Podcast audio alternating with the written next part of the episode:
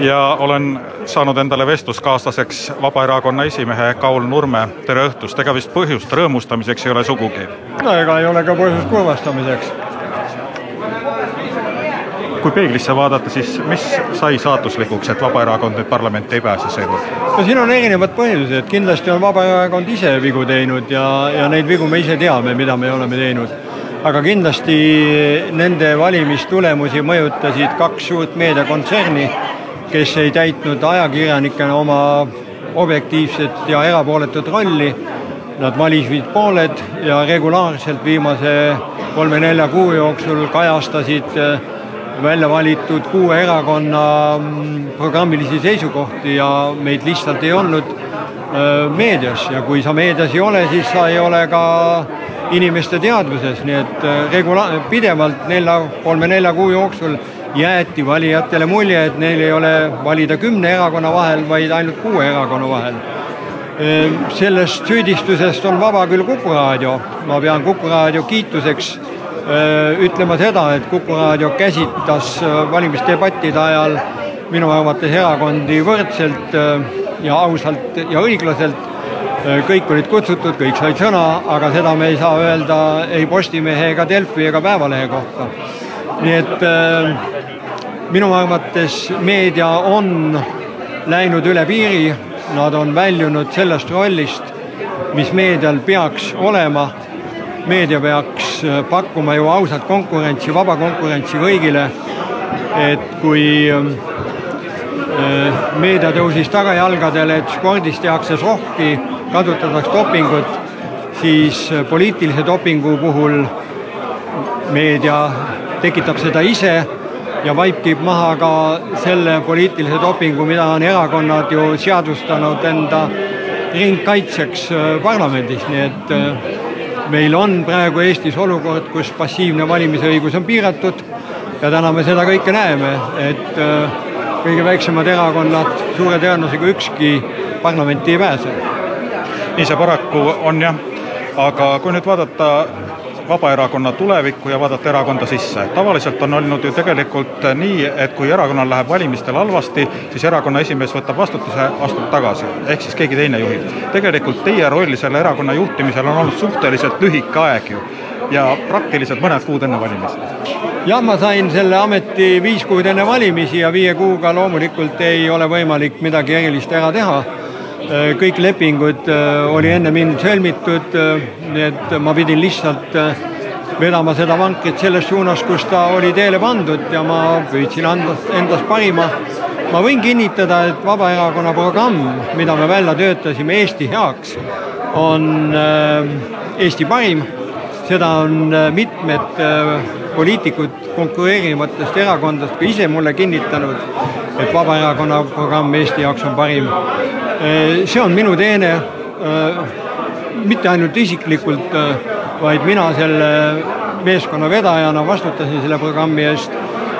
tõsi, lõin ka ise programmi loomisel väga palju kaasa ja väga paljud peatükid on ka minu, minu kaasabil sündinud.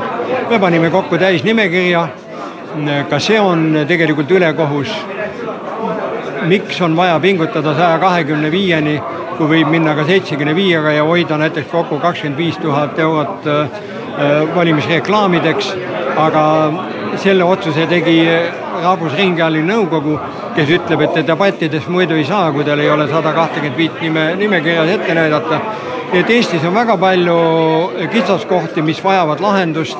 Ja ma ütlen veel kord, et see ei ole Vabaerakonna kaotus, Vabaerakond on oma ideed andnud Eesti käsutusse ja kui vaadata kas või neid ideid, mis kevadel meie poolt välja käiduna jõudsid juba praegu konkureerivate erakondade programmidesse, olgu siis kas või tasuta lasteaiakoht või omastehoolduse koht, hooldajatele tasu maksmine, üldse vanurite probleemi käsitlemine, see jõudis ju nende erakondade programmidesse tänu sellele, et Vabaerakond neid juba sel kevadel jõuliselt üles tõstis ja ma loodan ainult, et nad teevad, viivad need el, asjad ellu ja kui nad on ellu viinud, siis on lõppude lõpuks ju Eesti sellest võitnud. olete te valmis jätkama Vabaerakonna juhtimist?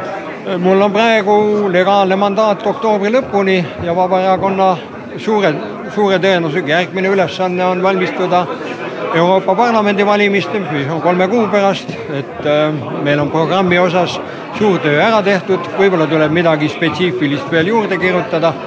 meil on vaja panna meeskond kokku ja asuda uuesti võitlusesse ja vaatame, kuidas sealt läheb. ja eks, eks näeb, aga Vabaerakond kindlalt jätkab.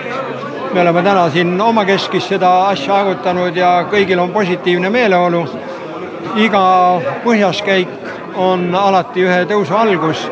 nii et selles mõttes äh, ma tänan ka lõpetuseks kõiki valijaid, kes meid äh, äh, siiski usaldasid, kes ei allunud selle ajupesule, et ärge neile häält andke, nad niikuinii künnist ei ületa. muuseas, künnis on üks ebaausa konkurentsi põhjuseid. teine asi on valimisliitude keelustamine kautsjonid, kõrged kautsjonid, erakonna arvu, liikmete arvu miinimummäär, erakondade ebavõrdne rahastamine riigieelarvest. suurerakonnad saavad ju neli korda rohkem raha kui Vabaerakond. Nendel on Primeedia ligipääs programmi sõnumid kajastavad kaks suurt väljaannet, lisaks reklaamiraha ja me pidime toime tulema ainult reklaamirahaga ja sellega, et me kohtume inimestega näost näkku tänaval. nii et igal juhul tegu oli ebavõrdse olukorraga, ebavõrdse konkurentsiga, ma ütleks, et sohi tegemisega ja ma arvan, et Eesti rahvas peaks nõudma ja survestama oma poliitikuid, sest lõppude lõpuks kaotab sellest rahvas, mitte poliitikud igal juhul jõudu ja jaksu teile selle töö jätkamiseks, sellepärast et senimaani vist puudub Eesti poliitikas kogemust, et kord väljalangenu oleks tagasi tulnud. vaatame elame-näeme ja, ja igal juhul meie liikmed on praegu vaatamata sellele kehvale tulemusele täna optimistlikud ja kuuleme-näeme jälle. ja suur tänu, veel kord suur tänu kõikidele nendele, kes meid usaldasid ja meile hääle andsid siiski